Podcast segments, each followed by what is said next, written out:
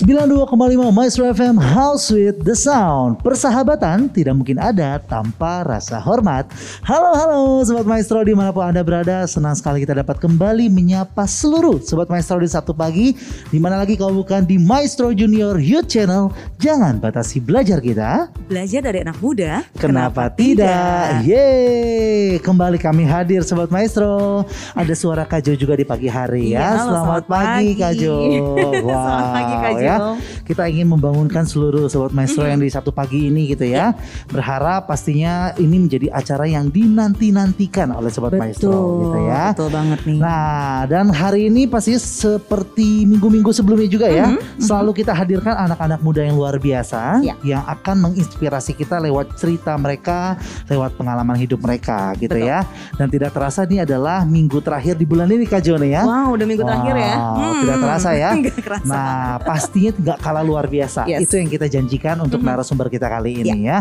Dan rasanya sudah dua bulan ya Kak Jo ya. Iya. Kita mendengarkan suara-suara nada-nada manis, suara-suara Hmm, narasumber wanita. Sekarang giliran aku yang cuci mata ya Wah, Oh. karena akhirnya narasumber kita hari ini mungkin suaranya akan sedikit bass. Nah, Oh, itu ya. oh, oh. Namun sebelumnya nih Sobat Maestro ya, Iya. bagi Sobat Maestro yang ingin mendengarkan ulang rekaman eh, atau program ini gitu Iya. ya, pastinya kita tersedia di dalam Spotify ya, Betul. di Maestro Radio Bandung dan juga tersedia di YouTube dari Radio Maestro. Hmm. Jadi Sobat Maestro juga jangan lupa untuk berkunjung ke YouTube kita juga ya, Betul. di Maestro Radio Bandung. Jadi bisa lihat langsung ya sebenarnya narasumber kita kayak gimana Betul, wajahnya ini seperti apa ini Iya, ada betul. bisa disaksikan di YouTube ya. Dan tanpa berlama-lama lagi Kak yuk, yuk kita langsung kenalan dengan narasumber kita di hari ini. Kita sapa terlebih dahulu ya. Selamat pagi. Pagi kok Wow. Kaju. Pagi koka Kajul ya. Iya. Oke, mungkin lebih enaknya panggil Kajul aja gitu ya. Oke, sudah ada suara-suara yang menyapa Kajul nih ya. Hmm. Nah, boleh dong juga menyapa seluruh sobat maestro yang ada di Rupa juga memperkenalkan diri terlebih dahulu mungkin ya. Boleh. Dengan siapa nih namanya? Pagi Sobat Maestro. eh gue Brandon Zevanya Gracielo. Ya, Brandon Zevanya Gracielo. ya karena awalnya cuma disuruh Iya. perkenalan dulu Jadi gitu ya. Kenapa aja sih Kajul kan cuma ngasih taunya nama doang ya Iya, tapi nggak apa-apa. Berarti dimulai dari nama dulu. Apa Hmm. sih Kak Jo yang bisa diulik dari nama? Biasanya tuh pasti pengen tahu arti nama Mhm. karena sesuatu pasti spesial ya nama itu dari Iya. orang tua.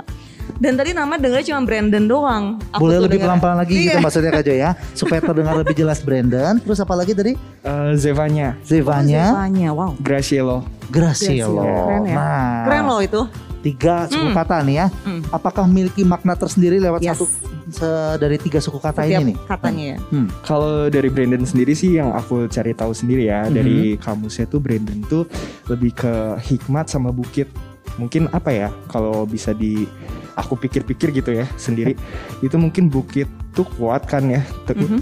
eh, tangguh kalau hikmat ya hikmat gitu Oke. ya Kuat dan berhikmat. Itu Hmm. dari Brandonnya ya. Keren ya. Ada juga tadi kan Zevanya-nya. Zevanya. Nah, apa nih? Kalau Zevanya mungkin kalau yang orang Kristen tahu itu eh, hamba Tuhan ya eh, Hmm. Zevanya dari situ. Oke, yang di, kamu ambil dari hamba Tuhannya gitu ya. Pasti hamba Tuhan memiliki beberapa hal yang positif juga Betul. yang bisa diambil. Itu Zevanya. Yang terakhir, Gracielo berarti Ih, ya. masih hafal hebat loh. Kalau Gracielo sendiri? Ya kalau Gracielo mungkin dari kata Grace ya Oh. Eh, diambil dari situ. Cuman kan kalau Grace cewek, kalau Mhm. Gracielo lebih ke cowok gitu. Wah, Mantep ya. luar biasa. Kalau Hmm. digabungkan tadi punya hikmat yang baik, Iya. anak muda yang kuat, Kuat. juga Mhm. gitu ya. Dapat kasih karunia dari Tuhan Betul. juga dan hal-hal baik dari hamba Tuhan ada di dalamnya. Wih, Wih, itu makna nama ya. dari seorang narasumber kita hari ini. Gak main Dari manggilnya apa dong berarti? Gracielo kah? atau Zevanya kah? Atau Zevanya? Brandon? Atau gimana? Eh, kebanyakan manggilnya Brandon ya. Manggilnya Manggilnya Brandon. Brandon. Ya. Jadi untuk beberapa menit ke depan Mhm. kita akan ngobrol-ngobrol banyak kita ulik kehidupan dari seorang Brandon Iya, ya. bener. Yuk Kajo mulai dulu deh untuk Aku hari agak ini. grogi kalau misalnya sama cowok ya. Oh kalau cowok biasanya suka rada Gimana ya? eh, gemeteran gitu Kajo ya. Gemeteran sih Jangan, enggak tapi jangan. dak dik dik dik. Oh gimana gimana Kajo? Oke, kalau misalnya tadi udah dari arti nama, sekarang aku mau mulai dari kesibukannya. Ngapain aja sih seorang Brandon ini saat ini? Hmm. Kalau saat ini mungkin aku lebih ke kuliah ya, Mhm. Eh, lebih ke kuliah. Aku dari Senin sampai Jumat aku kuliah. Ya. Ya paling sama kuliah sama latihan sih paling. Latihan cuman ya tiap hari juga sih. Oke. Cuma Wah, minggu nggak, minggu nggak. oh, minggu untuk Iya. waktunya beristirahat dari segala kegiatan Iya, gitu ya. betul. Oke, udah ngomong kuliah, latihan gitu ya. Kalau lihat dari badannya sih kerasa nih ya, latihan-latihan ini kayaknya Iya. seorang Tapi atlet. ditutupin sama jaket. Oh, iya. Gak bisa lihat. Soalnya takutnya kalau nggak ditutup jaket nanti Kaju makin nggak fokus siarannya. Nggak fokus, nggak Nah itu dia bahaya gitu ya. Tutup aja ya Brenda ya. Oke kita bahas satu-satu dulu ya. Kuliah. Nah kuliah kan jurusannya begitu banyak Iya, ya. betul. Brenda ambil jurusan apa sih? Aku tuh ngambil eh, International Trade and Business. Wow, Iya. International Trade and Business. Iya. Oke, dan dapat eh, fun fact-nya nih Kak Jo ya, katanya bukan eh, kuliah di Indonesia sebenarnya, betul ya? Iya betul. Wah, tapi ambilnya di Di Guizhou. Guizhou China berarti ya, Daripada atau saya salah ngomong ya, mending saya bilang di China aja gimana. Oke, luar biasa ya. Itu adalah jurusan yang diambil Hmm. yang cukup luar biasa juga kalau kita tadi dengar dan juga mengambilnya di China ya. Iya. Kalau sekarang mungkin eh, terhambat karena visanya ya berarti ya. Tinggal nunggu visa Oke. gitu berangkat. Iya. Tapi rencana apakah akan segera menuju ke Eh, sana? Iya, tahun ini soalnya kebetulan juga kan eh, tahun ini tuh ada Asian Games di Cina. Mhm. Jadi eh, atlet pada ke sana dan eh, ya kayak aku tuh siswa ya semoga dibuka gitu. Oke. Oh, itu ya visanya. Ada eh, ada turnamen Asian Games tadi ya. Ya. Wah, ini yang dikatakan menyelam sambil lomba. Hohoho. Iya, betul. Nah, Minum Kajo air lagi-lagi ya. Kajo belum connect sobat maestro ya, kita biarkan ya. Gitu. Biasanya kan Jangan menyelam gitu sambil minum air dong di Tadi aku dikoreksi. bilang, tadi aku tadi bilang kok Oh. kayaknya minum air ya gitu. Oh gitu ya. Anda salah. Nah, Asian Games emang apa nih? Kita kan belum bahas tadi ya. Iya. Kita baru bahas tentang kuliahnya. Mhm. Ternyata ada hubungannya juga nih ya Brandon juga dengan Asian Games, betul ya? Eh, enggak, maksudnya Cina tuh bukannya karena ada Asian Games. Oh. Jadi Oh. Nah, se- se- sebelumnya kan di ban kan. Soalnya dia udah bersih dari corona, dia takut ada penyebaran lagi dari negara lain. Betul. Betul. Gitu. Tapi karena ada satu event besar itu, Iya. kemungkinan akan dibuka Kemungkinan akan lagi. dibuka buat siswa. Mau nggak Oh. mau jadinya ya terpaksa. Kak Jo mikirnya, wah ini kayak badan atletis kayaknya ada Oh. hubungan ini sama Asian Games gitu ya. Tapi ngomong sejauh eh, lebih jauh lagi tentang Iya. atletik kita simpan dulu deh ya. Mm-mm. Kita mau ngomong tentang kuliah yang Brandon pilih. Ya. Betul. Kenapa sih memilih jurusan itu? Hmm? Kenapa aku milih jurusan International Trade and Business? Awalnya aku milihnya tuh pengennya kedokteran. Dulu, Kedokteran. dulu, dulu. Waduh, Oke, eh, keren ba- ya. eh, berarti ya. SMA-nya IPA ya? IPA. Oke. Jadi kenapa dulu milih kedokteran tuh aku punya inspirasi dulu dari eh, siapa ya lupa namanya. Hah? Dia membantu orang-orang yang susah gitu kan. Oke. Eh, motivasi aku pertama ingin jadi dokter tuh ya ingin membantu orang-orang yang susah gitu kan. Eh maksudnya yang terkendala ekonomi gitu.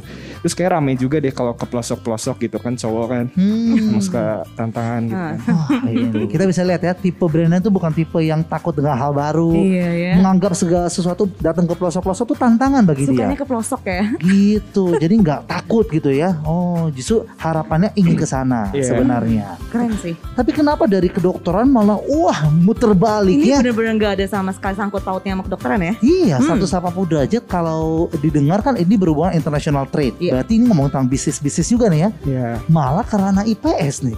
Kenapa nih, Bro? Eh, jadi dari kedokteran pindah lagi ke sport science. Oh, sport Oh, science. Oke. oke. Soalnya minimal minimal banget di Indonesia pengetahuan tentang eh, cara penanganan ke atlet gitu kan. Oke. Jujur aja maksudnya eh dari segi fasilitas, dari segi penanganan cedera, dari segi program latihan kita tuh kurang dibanding eh, orang luar. Mhm. Jadi harus ada orang yang benar-benar ngerti tentang itu dan eh, apa ya membawa ilmunya itu ke Indonesia. Oke. Hmm. Di eh, emang dulu di Cina kan maksudnya semua orang sekarang udah tahu kali ya atlet-atlet di sana jadi banget dan itu pembibitan dari kecil dengan eh, sains itu. Oke. Eh, pokoknya mereka mah udah gila lah kalau Hmm. soal atlet dan soal teknologi. Aku pikir ke sana. Cuman karena terkendala dengan COVID, Mhm. kalau saya apa sport science itu harus kita langsung datang ke sana harus praktek. Jadi nggak bisa. Aha. Jadi waktu itu diganti ke jurusan. Aku juga belum sempat mikir mau masuk ke yang jurusan sekarang. Aha. Cuman aku berpikir gini loh. Sekarang kan eranya maksudnya eh, apa IT Iya. dan Mhm. juga eh, bisnis entrepreneur gitu kan Mhm. banyak kan sekarang. Betul. Dan eh, sekarang negara apa sih yang lagi paling maju? Sekarang kan Cina Iya lagi naik-naik ya. betul. Mhm. Jadi aku mikir, wah bagus banget nih international trade and business. Oke. Gitu. Dari bisnis dapat orang Cina apa sih? bisnis mah. Hmm. Iya kan? Oh, Gitu. jadi akhirnya memilih jurusan tersebut itulah alasannya gitu ya. Betul. Tapi kalau kita denger lagi Kak Jo ya, berarti yang pertama adalah kedokteran, Mhm. kedua tentang sains. Sains ini juga sport science ya. Iya. Berarti sebenarnya masih ada hubungan sama dokter-dokternya Iya juga. betul betul. Mhm. Oh, tapi sekali lagi karena memang mungkin kendala eh, pandemi berarti waktu Iya, itu ya. iya.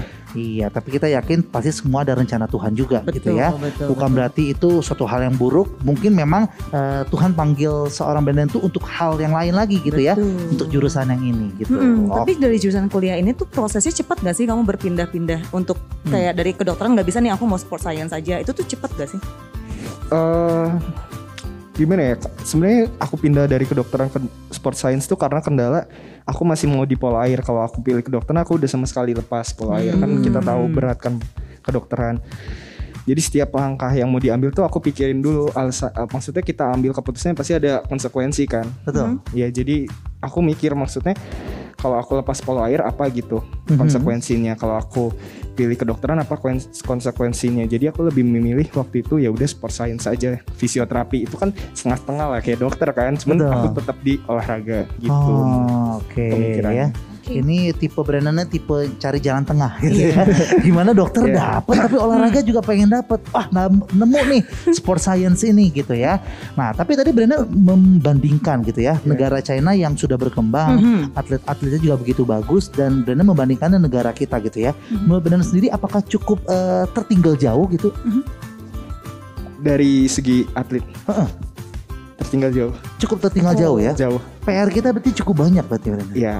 Oke. Kebayang nggak sih Kak Jul? Soalnya tadi kan Mhm. eh, Brandon sempat bilang mereka tuh dilatih dari kecil. Mhm. Kalau kita tuh kayaknya nanti pas udah kayak SD kelas 6, ah pengen ini cobain baru nyoba. Jadi belum terlatih kayaknya dari kecil ya. Nah, atau boleh kasih gambaran dulu Hmm. nggak sih Brandon? Kalau di eh, Tiongkok sana, Brandon bilang kan sudah cukup maju dengan Hmm. sport science-nya, dengan pembinaan dari Hmm. atlet-atletnya. Mm-mm. Gambarannya seperti apa sih Brandon? Gini deh, eh, di China tuh dari kecil maksud pembibitan mereka tuh udah dilihat dari struktur tengkorak dari apa gitu mereka ini cocok jadi atlet apa. Oh, di Cenayang ya, kamu Iya. cocok di air. oh, Itu enggak. ada struktur tulangnya berarti Oh, dia struktur dulu tulang. ya. Oh, ya iya, elah iya. nggak cenayang. Salah, kan nggak tahu ya. Takut saya. Oke, dari struktur tulang ya ternyata dilihatnya. Oke. Pokoknya sedetail itu dan Mhm. ketika waktu itu ada ASEAN Games pas yang di Indonesia tuh kapan ya 2018 ya. Mhm. Itu tuh atlet Cina tuh tinggi-tinggi Iya. buat cabang saya pola air Aha. 2 meter Oke. sekitar segitulah. Eh, mereka tuh satu atlet bisa ditanganin sama lebih dari dua pelatih gitu maksudnya ada gizi ada Hmm. yang khusus mungkin buat otot ada khusus untuk teknik atau apa gitu saya nggak tahu ya mungkin Aha. khusus untuk ngejimnya apanya Mhm. kan gila ya Iya, kalau di iya. Indonesia satu pelatih nanganin berapa atlet Semua gitu. atlet kayaknya untuk satu pelatih gitu ya. Satu cabang itu lah ya. Oh, Ini satu atletnya bisa sampai dua pelatih. Eh, minimal ya mungkin Itu aku lupa minimal. juga ya Wow, Iya sih, betul, gitu ya. betul. Itulah bukti keseriusan dari Tiongkok ya gitu ya. totalitas Totalitasnya Hmm. membina dari atletnya, bukan Benar, cuma membina, benar, bahkan benar. dari awal tadi Hmm. struktur tulang diperhatikan. Betul. Dan akhirnya saat tumbuh kembangnya juga tingginya dan Iya. bentuk tubuhnya juga terlihat berbeda gitu Iya, ya. betul Oh, Oke. mereka 2 meter. ya 190 sampai 2 meter.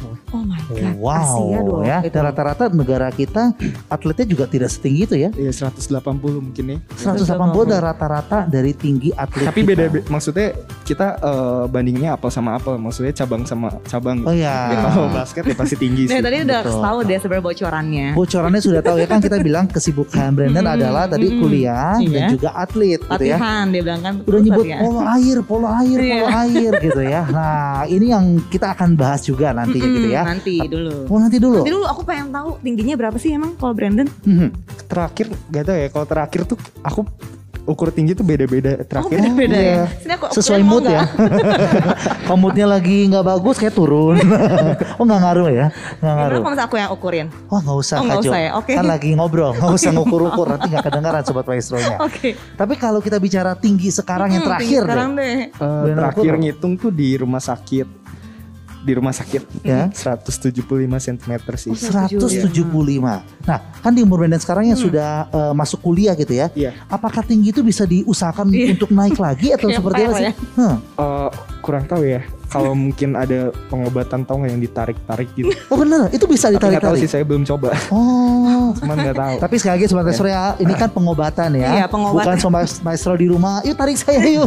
Kita tolong adik tarik-tarikan kan bahaya ya. Iya. Struktur tulangnya rusak nantinya ya. Bukan seperti itu, tapi ternyata ada juga seperti itu Eh, ya. Ada, ada. Oke, berarti kalau uh, Brandon bilang pengen cari tahu juga yang narik-narik itu sebenarnya dari segi uh, sisi hati Brandon sendiri sebenarnya belum cukup puas dengan 175 Iya ini. Dong. Iya. Soalnya saingan saingan kita kan Eropa kan sekarang Mhm. untuk Asia. Oh my god. Eropa kan ya tahu sendiri lah badannya Iya kayak sih. apa ya.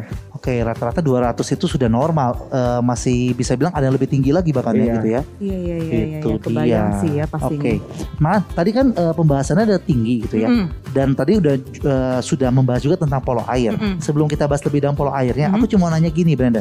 Apakah tinggi itu sangat mempengaruhi Oh, terhadap iya. polo air ini? Oh, ngaruh dong. Ngaruh banget. jangkauan, iya, jangkauan. Oh, jangkauannya gitu Jangkauan, ya. Jumpingnya juga mungkin ya Iya. pas Iya. lompat itu. Eh, sebenarnya dalam prinsipnya dalam eh, olahraga tuh olahraga fisik ya. Mhm. Eh, jangkauan tuh sangat mempengaruhi. Sebut aja maksudnya kita basket, Mhm. Oke. basket, volley, polo air, eh, bahkan renang ngaruh kan. Iya, dia semakin tinggi, dia semakin cepat kan. Cepat Nah, gitu ya. iya. Iya sih larinya kayaknya bisa berkali-kali langkah ya. Oke. Kecuali kalau kayak catur ya, enggak. Betul. Tapi misalnya seperti kita bilang sepak bola gitu ya. Mm. Kan ada yang memang spesialis tinggi mungkin dia ditaruh di back Iya. atau Mhm. mungkin untuk striker untuk eh, di bagian depannya gitu. Mhm. Iya. Tapi memang ada yang terlahir tidak terlalu tinggi, Mhm. tapi memang dia, dia dispesialisasi, eh, dispesialisasikan Mhm. untuk misalnya dia ada di samping kiri, samping kanan untuk Heeh. cepatnya kita ambil speednya. Itu berpengaruh juga nggak di polo Hmm. air? Apakah misal dengan tinggi 175, Brandon itu dikenal dengan lebih gesit dibandingkan Hmm. orang-orang yang tinggi lainnya? Eh, bisa, bisa seperti itu. Tapi em, orang luar udah gesit, pinter, Tinggi udah- lagi, lengkap banget kayaknya ya. lengkap. Oh, itu yang uh, Iya. Brenda alami sendiri gitu Iya. ya. Jadi itu yang membuat Kebayang Brenda ngerasa kayak tingginya kau bisa lebih maksimal lagi, pengen dimaksimalkan lagi. Iya betul. Oh, seperti itu Kak Jo gitu ya. Mhm. Jadi ini kalau yang ada tips nggak sih uh, Brandon dari Brandon sendiri ya? Ini kan berarti walaupun Brandon tidak masuk dalam sport science, pasti Mhm. sudah mencintai dunia olahraga, Betul. sudah mendalami gitu ya. Ada tips nggak mungkin buat sobat maestro juga yang di masa pertumbuhannya supaya gimana sih jadi anak yang lebih tinggi dibandingkan rata-rata? Hmm, mungkin kalian lebih banyak mengonsumsi ini ya apa eh, kalsium sama kolagen. Oh. Dulu sempat ke dokter ortopedi dikasih tahu harus banyak makan ceker sama kikil. Oh, ceker dan kikil. Ceker, ceker kikil itu kolagen kan. Kesukaan Oh, aku itu, semua ya itu kolagennya. Iya. Oh, untuk kalsiumnya ya seperti susu gitu Eh, ya. Iya, Oke. keju, yogurt. Yogurt itu Oh, untuk itu bisa mendapat kalsiumnya. ya? Oh. Gitu. Kalau loncat-loncat itu bisa bikin tinggi gak sih, Brandon? Hmm, bisa ya mungkin. Soalnya Bisa aku ya? jarang loncat-loncat sih. Oh, Kan aku di air kan. Oh iya ya. Tapi kalau Brandon sendiri dulu pas ke, eh, dia kan berarti menyukai polo air ini bukan dari kecil banget gitu Eh, enggak? Iya, kan? betul. Nah, pas dulu kecilnya, pas SD, SMP gitu ya, Mhm. suka main futsal kah atau Oh, basket? suka, gitu? suka. Oh, suka juga ya? Dulu dulu ini cerita sedikit. Aku lebih dulu nggak suka berenang. Nggak suka berenang? Papaku kan eh, guru renang, Mm-mm. Oke. tapi eh, dia cari guru lain buat ngajar aku soalnya kan ya biasa ya anak Oh, nggak ngedengerin korek iya lah iya kan. ya. susah agak megang megang Iya. anak sendiri susah Anak kayaknya sendiri ya. rada Ya kan susah kayak, gitu ya. kayak dokter punya anak dia nggak mau dengerin papa ya kan pasti cari dokter lain gitu kan Oh. betul betul Iya. betul.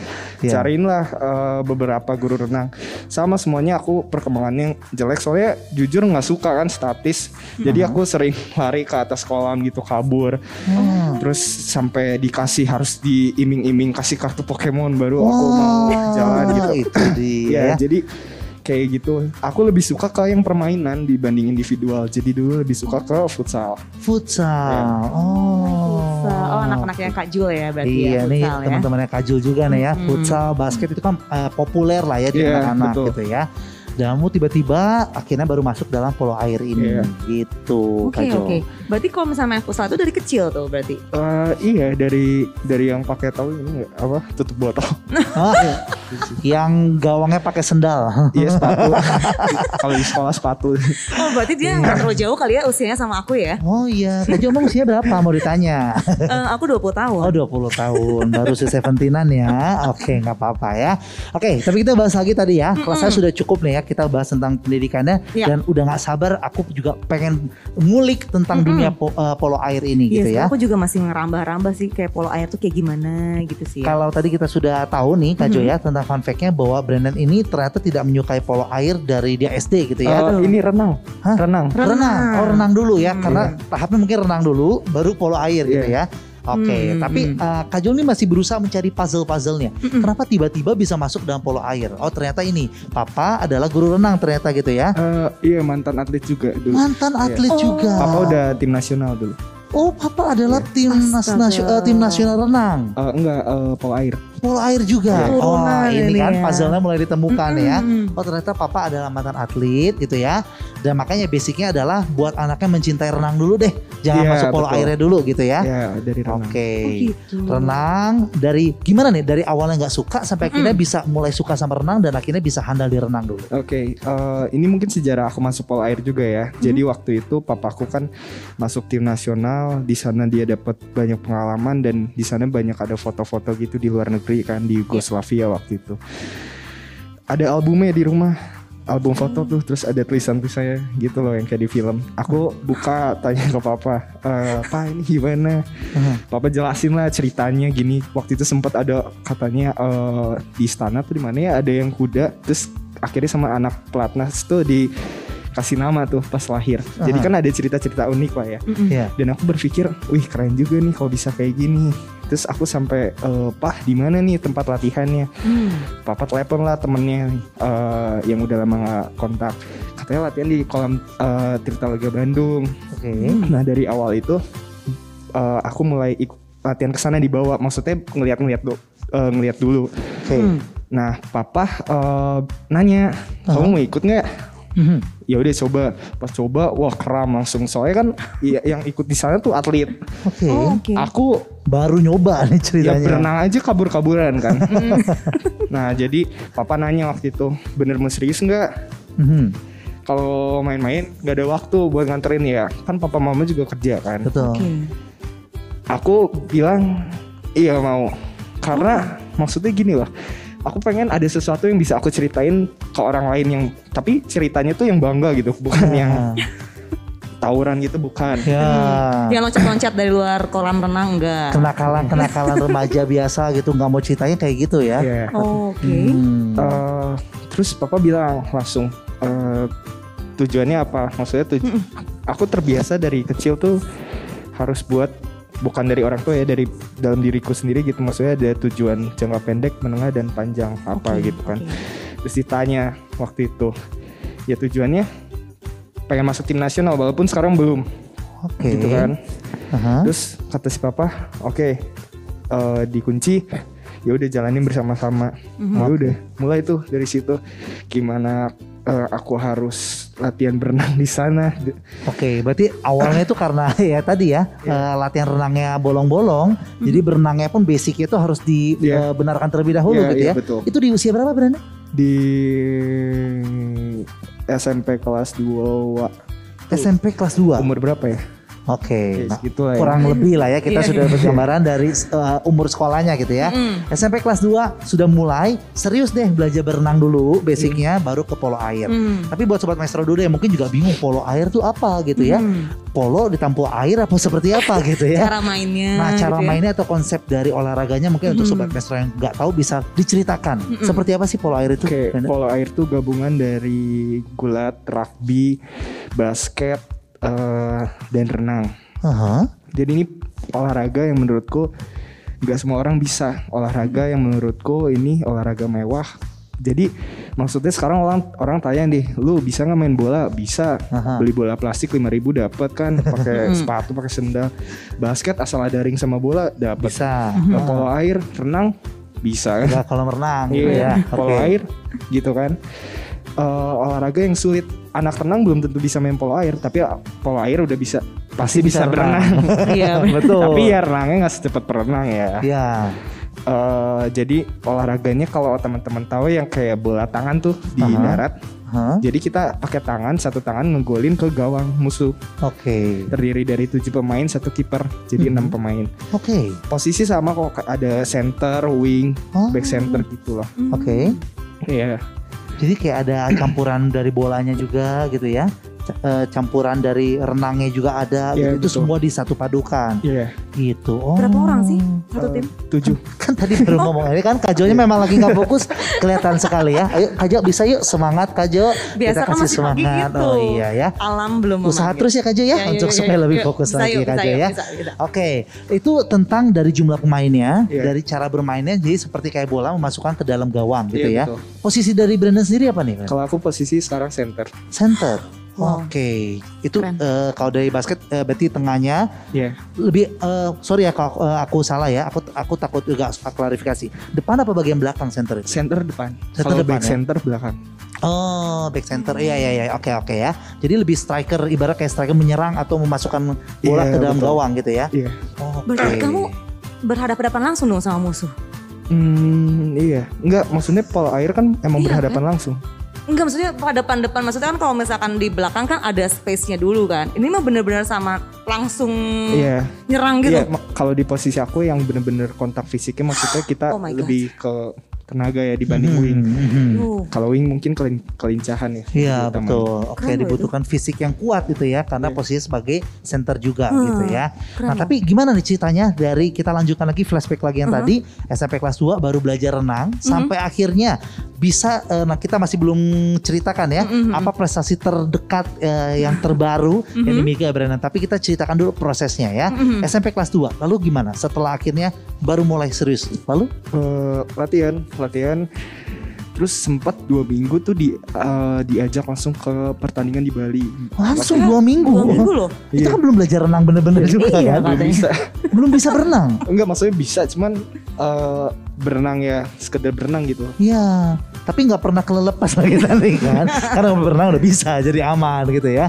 Oke, jadi eh, walaupun masih basic banget, tapi dua minggu dipaksa langsung bawa ke Bali. Iya. Gimana tuh pengalaman di Bali? Eh, maju ke depan nggak bisa mundur ke belakang. Nggak bisa bener ke belakang. Gimana coba? soalnya soalnya kan capek gini loh olahraga polo air tuh olahraga yang susah juga soalnya kalau futsal basket capek tinggal berdiri kan Iya. polo air harus tetap Capek ngambang tapi tetap harus ngambang iya, ya. nggak harus tetap ngambang berenang aku capek ke depan nggak bisa mundur ke belakang Oh, mungkin Jadi, teman-teman, ini enak aja maunya lima bola di depan aja, mungkin mikirnya gitu kali ya. iya Oh. jadi waktu itu dari kandidatnya dari Jabar tuh ini kamu kan resmi banget ada Iya. dua tim Jabar Jabar A sama B ya yang B yang kecil-kecil lah ya Eh, dari tujuh peserta ya aku juara tujuh juara awal tujuh. ya, Oke. pertama ikutan juara tujuh Wow, tapi ini bawah. untuk eh, pengalaman pertama Hmm. dua minggu gitu ya, Iyalah. dengan belum mentalnya juga yang harus eh, terbiasa gitu ya. Ini menurut kamu kamu cukup puas nggak dengan ranking 7 itu? enggak Enggak. cuman cuman dijadiin motivasi maksudnya Oke. suatu saat aku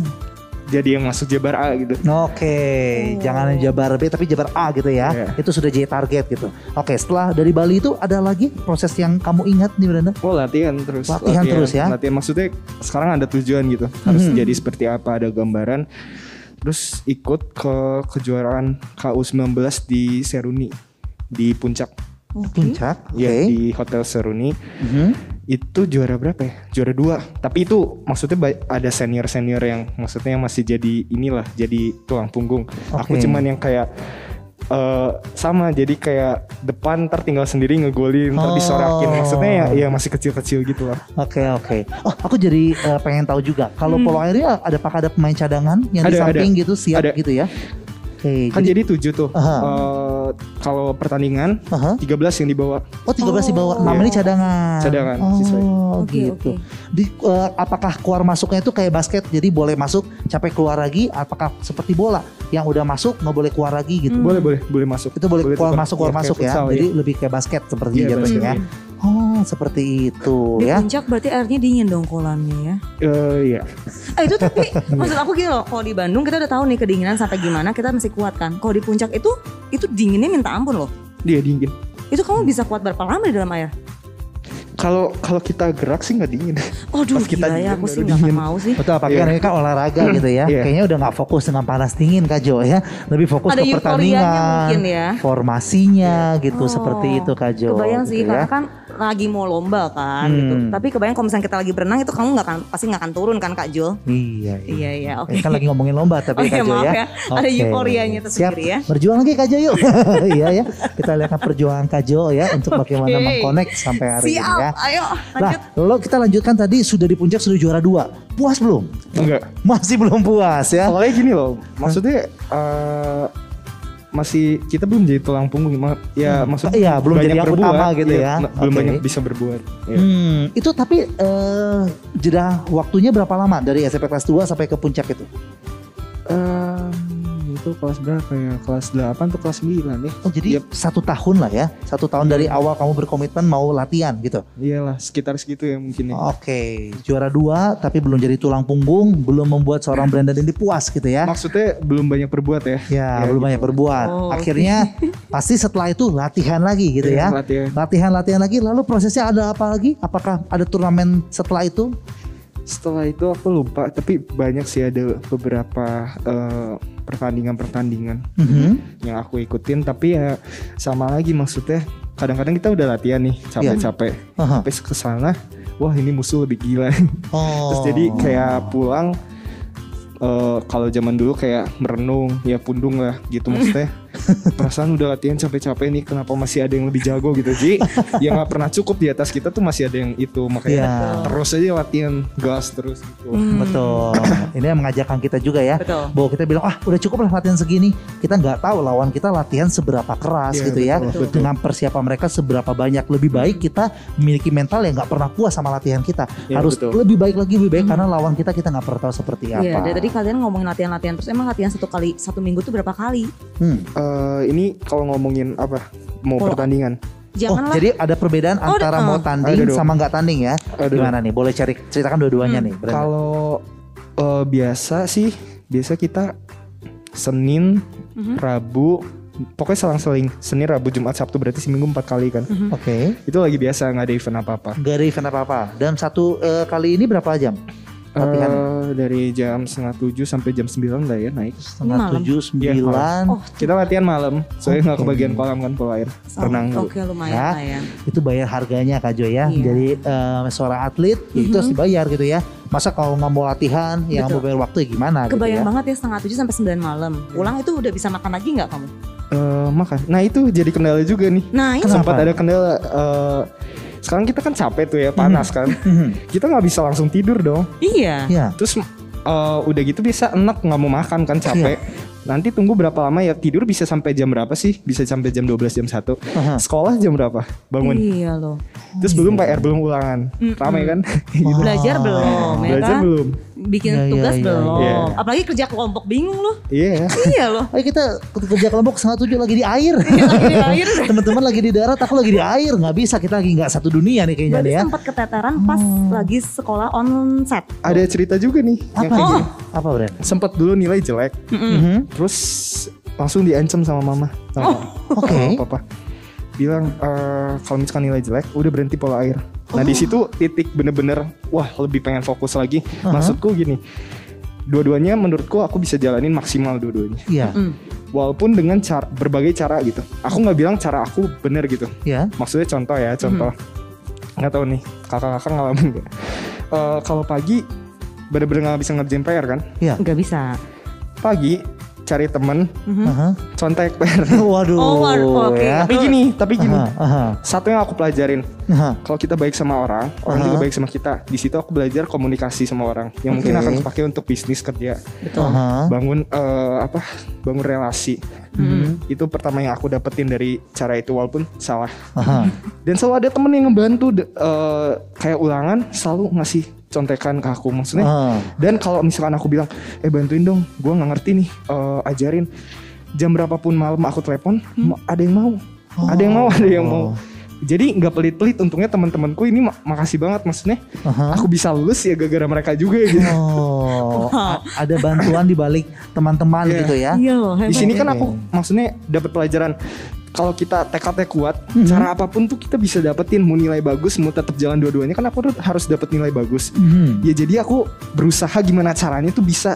Jadi kalau kita benar-benar punya tekad, gimana pun caranya, mimpi kita pasti keraih. Oke. Mau dengan ya. cara baik apa enggak gitu. Aku nggak membenarkan ya. Iya, walaupun eh, menurut Brandon juga bukan untuk dicontoh gitu ya. Betul. Tapi memang ada kendalanya yang ternyata Brandon sudah ceritakan gitu ya. Mhm. Jam 9 baru beres latihan, belum perjalanan pulang, antara lapar, Belum badan mandi, juga kan? masih belum mandi gitu ya, badan Iya. juga masih eh, belum siap untuk tidur gitu ya. Betul. Lalu pagi-pagi udah harus diperhadapkan sekolah lagi Mhm. gitu ya. Sekolah pun juga ada tugas dan lain-lain itu ber- eh, bergabung semua Mhm. menjadi rutinitas dari seorang Brandon dan, Dan- itu pasti tidak mudah. Yang pastinya tuh sekolah online zaman sekarang sama yang dulu tuh pasti agak berbeda. kan? Beda, beda banget. Nah, Beda. itu kan SMP kelas 2 belum pandemi. Iya. SMP kelas 3 juga kelas Sampai SMA aku belum kok. belum kan? belum. SMA Tuh. belum. Nah, akhirnya masuklah 11, 12 ini yang pandemi ya, betul ya? Enggak, aku kelas 12 baru pandemi. Yang UN tuh dia nggak adain sama Jokowi. Oh, Oke, jadi yang UN ditiadakan itu adalah angkatan Pas kamu. pandemi, iya, itu angkatan. Oh, iya. 12 baru mulai tuh iya, kerasa iya. agak enaknya. Mungkin kalau misalnya pas waktu itu pandemi ketolong ya. Eh, apa? Pas waktu eh, pas lagi berjuang di kelas Mhm. 10, kelas 11 lalu terkena pandemi, mungkin Brenda akan lebih terbantu gitu. Mm-mm. Tugasnya akan lebih Oh, Enak terbantu lah karena ya. belajar di Iya. rumah gitu ya. Hmm. ya mungkin ya. Mungkin ya kita nggak tahu ya. Saya kan jam 12-an tuh kan kalau sepan sekolah. Jadi ada masih ada spare waktu lah ya 6 jam untuk kayak kayak leha-leha dan membuat tugas. Tapi Oke. kalau boleh jujur lebih enak yang offline. Soalnya ngelihat adik kelas kayak nggak ngerasain sekolah nggak sih? iya sih. Iya. Iya, iya. Mau gimana pun juga kehilangan momen SMA Iya. itu ya. Hmm. Brandon sendiri memilih untuk tetap nggak apa-apa deh lebih capek, lebih susah dibandingkan Iya kehilangan momen ya. Iya.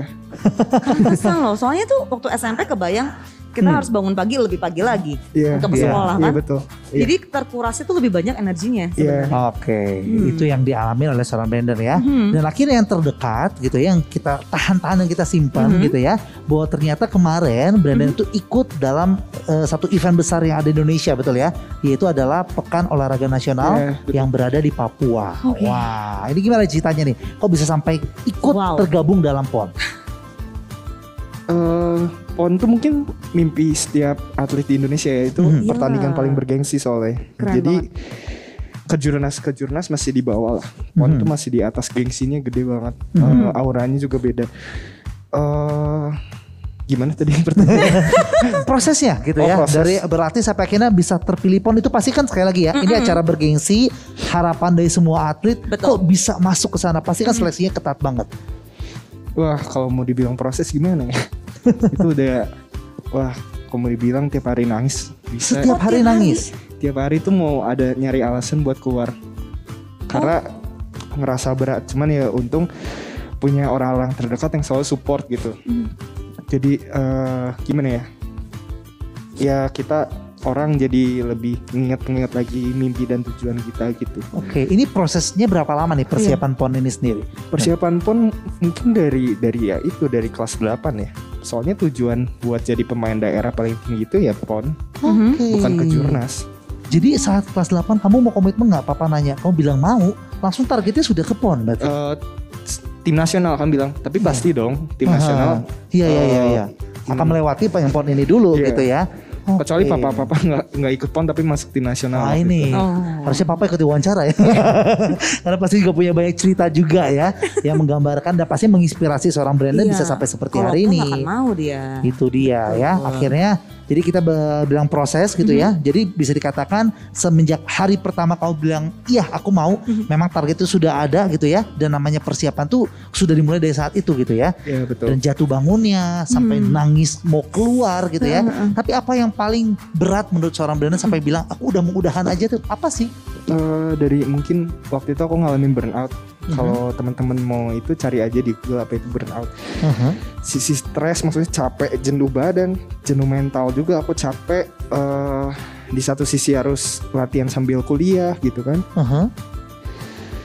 eh mikir maksudnya di saat aku lagi nangis kayak gini capek-capek susah latihan malam gitu kan teman-temanku di luar bisa eh, main nongkrong ya kan Betul. Oke. Betul. di umurku segini gitu ya jadi dan aku mikir gini loh eh, sedikit cerita papa teh dulu sempet alasannya sa- eh, maksudnya kan papa bukan dari orang yang berada kan dulu keluarga jadi kan susah gitu mau naik pesawat ya dari polo air bisa naik pesawat gitu kan Mhm. aku sempat mikir gini loh maksudnya puji Tuhan maksudnya papa sekarang udah eh, ya bisa mencukupi aku semua aku mikir gini dengan aku tidak ikut polo air juga aku udah bisa hidup enak gitu Mhm. cuman papa selalu ngomong gitu maksudnya mau di atas rata-rata apa rata-rata aja Betul. gitu kan setiap orang kan punya pilihan gitu kan Mhm. aku milih untuk di atas rata-rata Itu dia ya. Sekali lagi kalau kita bisa belajar dari seorang Brandon ini ya, sudah punya pilihan, pilih A dan B. Kalaupun tidak memilih jalan menjadi polo air ini, sudah bisa hidup enak kok sebenarnya gitu ya. Bisa menikmati masa mudanya, hang out bareng teman-teman gitu ya. Iya. Itu bisa jadi pilihan. Tapi Betul. sekali lagi Brandon memilih untuk nggak apa-apa deh, aku mau eh, memilih opsi yang A. Masuk polo air, Mhm. tantangannya berat gitu ya. Mhm.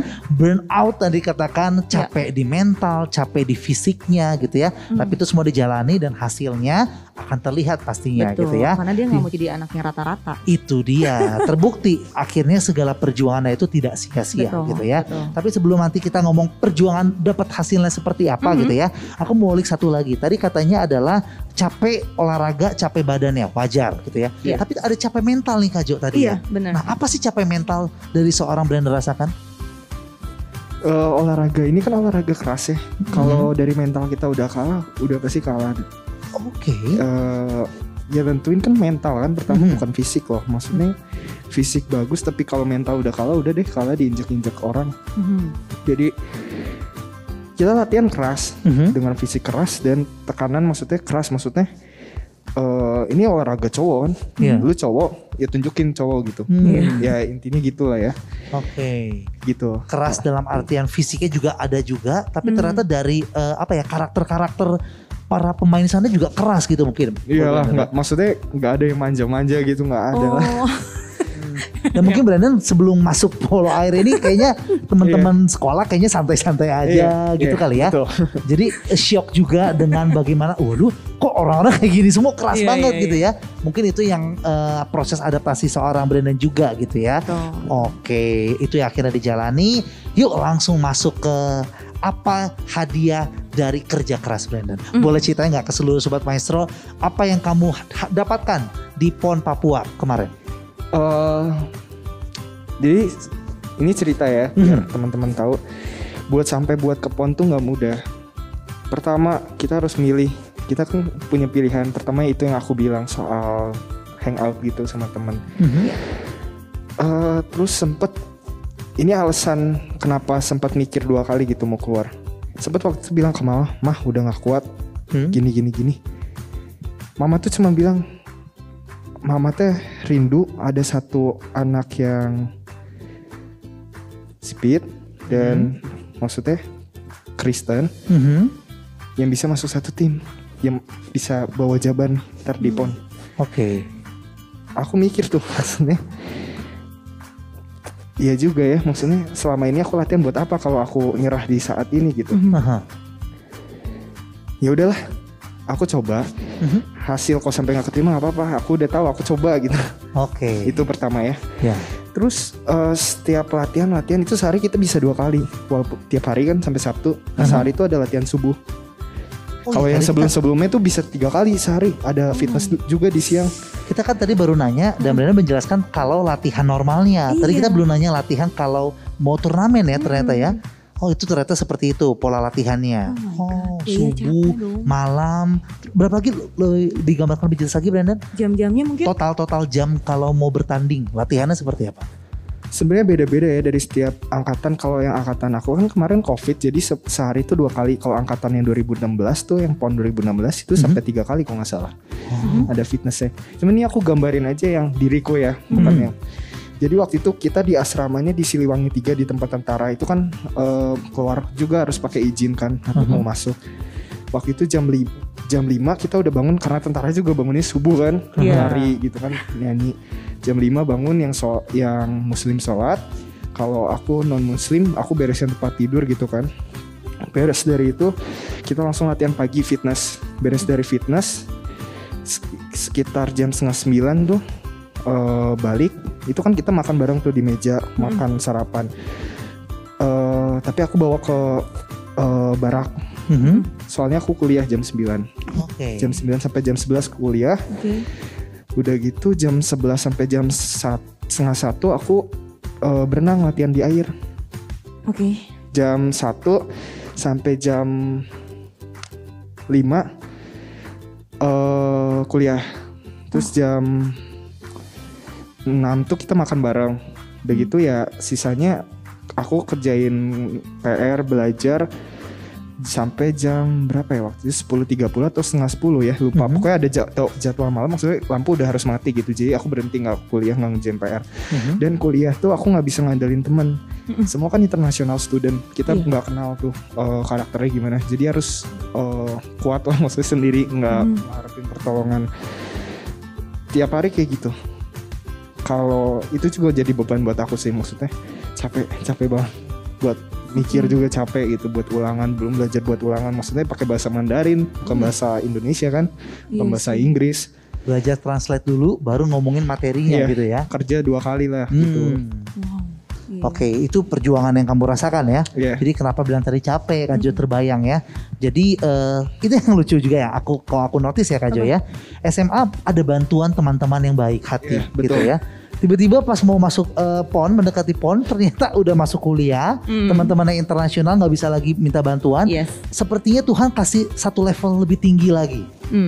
tantangan untuk seorang Brandon dan bertanya Brandon kamu mau menyerah atau enggak Hmm. dengan tantangan yang baru yang diberikan gitu ya Betul. tapi yang luar biasanya Brandon tidak menyerah dengan tantangan yang Tuhan berikan berarti PR sekarang dilakuin sendiri gitu ya tugas-tugas dilakukan sendiri meskipun dua kali lebih sulit tadi ada bahasa diganti dulu kita Hmm. translate baru kita mengerti tentang materinya Betul. tapi tetap dilakukan latihan lebih capek dikumpulkan di barak tapi tetap juga berusaha gitu ya Gila. tapi sekali lagi Mhm. setiap proses itu akhirnya tidak mengkhianati hasil, betul ya? betul. Boleh sharing nggak ke sobat maestro bagaimana hasil yang didapat di Eh pon? bentar kok, ini Oh. masih ada prosesnya. Oh, masih ada lagi. ada. Ya, ini aku ceritain ya. luar Pertama biasa. dari segi-segi apa biar orang tahu ini aku ceritain umumnya aja. Mhm. Setelah itu latihan-latihan tuh badan tuh kita jenuh pasti. Mhm. Jenuh, jenuh tuh otot mungkin eh, gimana ya? Kayak nggak mau berkompromi gitu, nggak mau Mhm. gerak, mager. Mhm. Sampai suatu saat sempet ini kejadian prapon sama pon.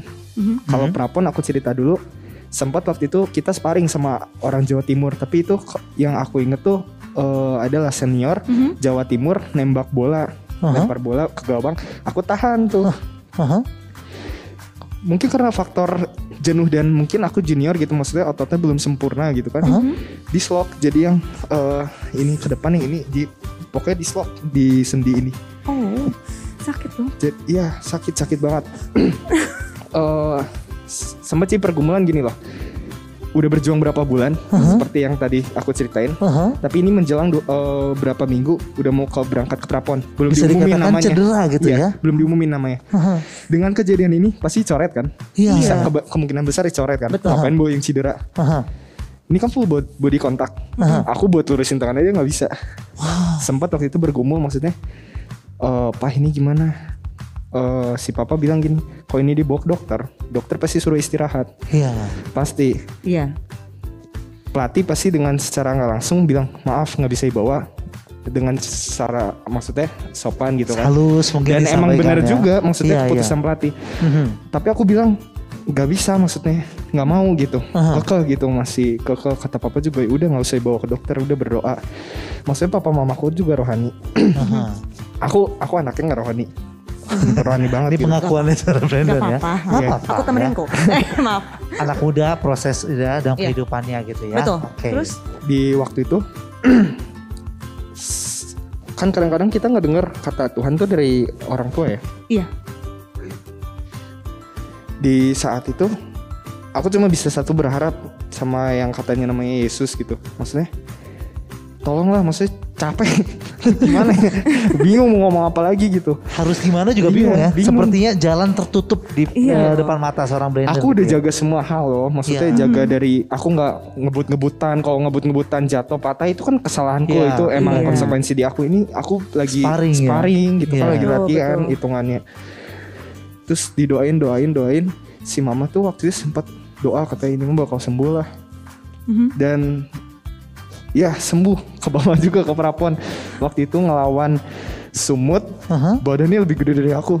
aha, Mungkin kalau ntar aku kasih lihat ya fotonya lebih tinggi dari aku, aha. gede banget. Mhm. Kayak David lawan Goliath lah. Oh, wow, keren tuh. Tapi Tuhan tuh baik, Aha. jadi stop score. Kamu menjadi top score. Dan waktu itu eh, event pertama aku bisa main bareng senior. Karena sebelum-sebelumnya aku selalu kecoret kalau mau main bareng senior. Hmm. Wow. Top score 5 kalau di situ waktu itu yang lawan Sumut. Dengan maksudnya orang bilang cacat cacat gitu kan maksudnya tangannya kan. Aha. Tapi itu aku nggak tahu mau bilang apa. Aha, Kalau bukan mujizat kan aha. eh bisa sembuh gitu kan. Sembuh nggak tahu sembuh gimana gitu kan. Aha. Secara kedokteran ya gak mungkin gitu kan. Iya. Harus istirahat. Mhm. Itu prapon. Nah pon ada lebih dahsyat lagi. Ada lagi. Nah, tapi tahan dulu Brandon ya. Ini ternyata kalau mau diulik, kan masih banyak nih Kak Jo ya. tahan napas loh. Nah, tahan nafas karena membayangkan mungkin pas kondisi cedera dibawa untuk bertanding seperti apa gitu ya. Hmm. Dan karena keseruan obrolan kita, waktu juga akhirnya berjalan dengan cepat Kak Jo Ini ya. bahas dua loh. Jadi sesi kegiatan. pertama selesai nih Kak Jo ya. Oke. Oleh karena itu kita akan tahan lagi Mhm. ceritanya. Mungkin Sobat Maestro juga penasaran ya. Iya. Mujizat-mujizat apa lagi yang Yes. dialami oleh seorang Brandon untuk perjalanannya Betul. sampai tadi yang pon eh, di Papua tadi ya dan akhirnya dia mencapai prestasi yang luar biasa ya. Hmm. Untuk sobat Maestro yang penasaran boleh tahan dulu. Kita akan kembali lagi di sesi yang kedua. Jadi tetap bersama kami di 92,5 Maestro FM House with the Sun.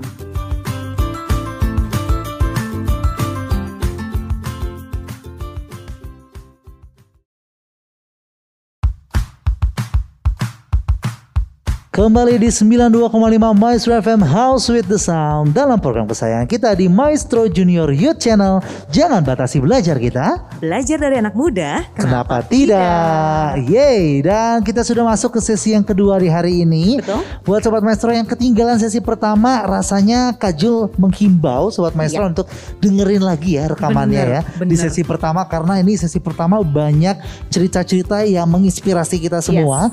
Yang sudah disampaikan oleh narasumber kita hari ini itu Brandon Mhm. ya.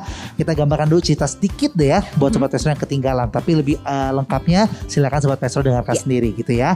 Brandon ini adalah ternyata seorang anak muda atlet polo air gitu ya Mhm. yang Tuhan berikan kesempatan untuk bisa ikut dalam PON Papua yang kemarin ya Mhm. yang berlangsung tapi yang sudah diceritakan oleh Brandon sesi pertama adalah proses perjalanannya gitu ya. betul. Harga apa yang sudah dibayar gitu ya. Perjuangannya seperti apa gitu ya dan sebelum menuju ke PON ada tahap-tahapnya. Tadi Brandon cerita sedikit sebelum menuju ke PON eh, ke PON ada namanya prapon ya. Betul ya Brandon ya? Iya betul. Prapon itu adalah satu tahun sebelum PON. Iya betul. Dan sebelum prapon itu beberapa minggu sebelumnya dilakukan sparring. Yes. Dan akhirnya Branda bermain di sana ternyata mengalami cedera gitu ya. Menurut eh, yang aku tadi sempat tanya eh, papa Papa juga, juga ya. gitu ya se- eh, saat kita off eh, cam gitu bahwa kalau yang namanya sakit ini seharusnya Iya. harus ke dokter dan kata dokter mungkin harus istirahat beberapa bulan. Enam bulan katanya. enam Kak. bulan Betul. katanya ya. Tapi ya itu sekali lagi Hmm. Brandon banyak mengalami mujizat-mujizat Yes. yang hari ini akan di-sharingkan untuk kita semua di kesempatan kali ini. Iya, Tadi Brandon ngaku ya, kalau Brandon tuh nggak terlalu rohani-rohani amat gitu ya Awalnya. awalnya. Tapi Tuhan bawa Brandon lewat perjalanan hidupnya Iya, untuk benar. lebih mengenal dengan Tuhan. Betul. Yuk tanpa berlama-lama kita coba dengar ya Brandon Hmm. ya.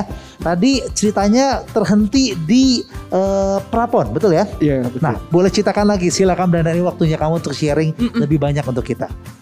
Tadi jadi di prapon setelah mengalami itu kan akhirnya ya udahlah percaya gitu kan sama yang di atas yang maha kuasa maksudnya ya udah bisa apa lagi kita sebagai manusia udah lakuin kerjaan kita Mhm. eh, bagian kita gitu mau dipaksain juga udah nggak bisa ke dokter suruh istirahat pasti Mhm.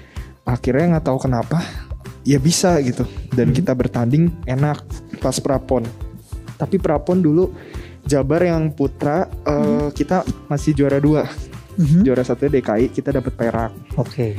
setelah itu langsung lanjut ke pon. Gitu. Pas pon ini berarti apakah sudah jadi sembuh tangannya? Eh, Atau udah seperti nggak ngerasa apa apa dari dari sejak pas kita tanding di GBK Mhm. Udah nggak terasa sakit apa gimana enggak Udah tidak terasa gitu ya. Iya Wow. Wow, itu Eh, bisa tapi dikatakan mujizat Tuhan ya. Tapi kan kalau itu mah udah kayak maksudnya ada bekasnya dong. Namanya tulang keluar gitu. Eh, kalau bekas dari luar sih nggak ada ya cuman emang emang sih sampai sekarang kadang-kadang masih suka bunyi-bunyi di bagian sendi sini mungkin Oh, dari yang tidak terasa sakit gitu ya. udah, udah aman Wow, ini mujizat yang luar Benar. biasa gitu ya. Biasanya kan kita harus kayak eh, CT scan lah. Harus kita Ya, MRI. lah. harus bener-bener eh, istirahat Gips lah, total iya, gitu ya. Gitu. Di gips mungkin juga benar juga kata Kak Jo ya. Tapi itu tidak dilakukan oleh seorang Brandon, tapi justru latihan yang Iya. bisa dikatakan terus ya, latihan intens yang keras gitu ya. Nah, sampailah eh, prapon sudah selesai dapat perak berarti ya, perak menuju ke pon dan katanya Tuhan kembali beracara dalam kehidupan Iya. Brandon, betul ya? Apa aja sih yang Brandon rasakan? Eh, di pon ini aku ngerasa maksudnya tantangannya kayak lebih berat. Eh, Jadi setelah yang aku cerita itu yang dari eh, masalah aku pengen main dan nggak bisa harus nentuin pilihan, Aha, terus kuliah yang aku ceritain jadwalnya di mes tentara gitu kan. aha.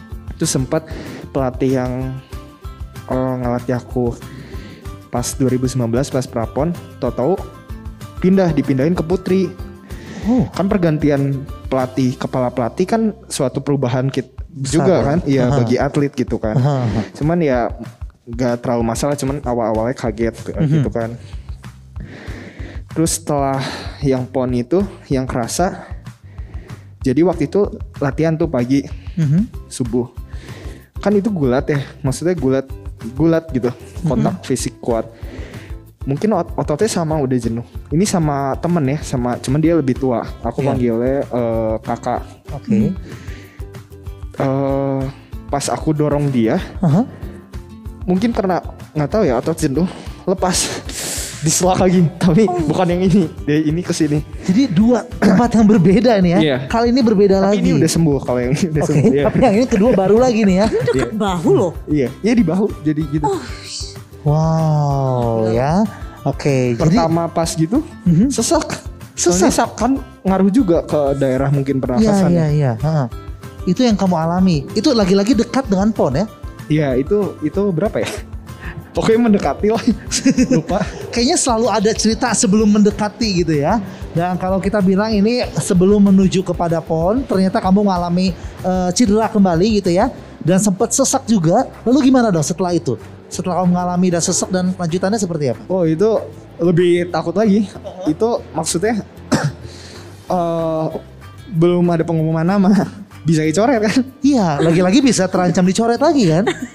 Aduh, tapi ada aja tapi ya kalau yang ini udah bener-bener maksudnya mikir ini kan lebih capek maksudnya secara dari pe- pikiran karena aku kan kuliah gitu kan Iya, kalau iya. yang sebelumnya SMA kan bantuan Mhm. teman kuliah gitu kan terus eh, tekanan juga lebih berat karena eventnya bukan di prapon event yang sebenarnya pon Di PON, nah betul. kan tekanan lebih berat kan Iya. dari dari atas kan eh aku tuh sempat marah sama Tuhan.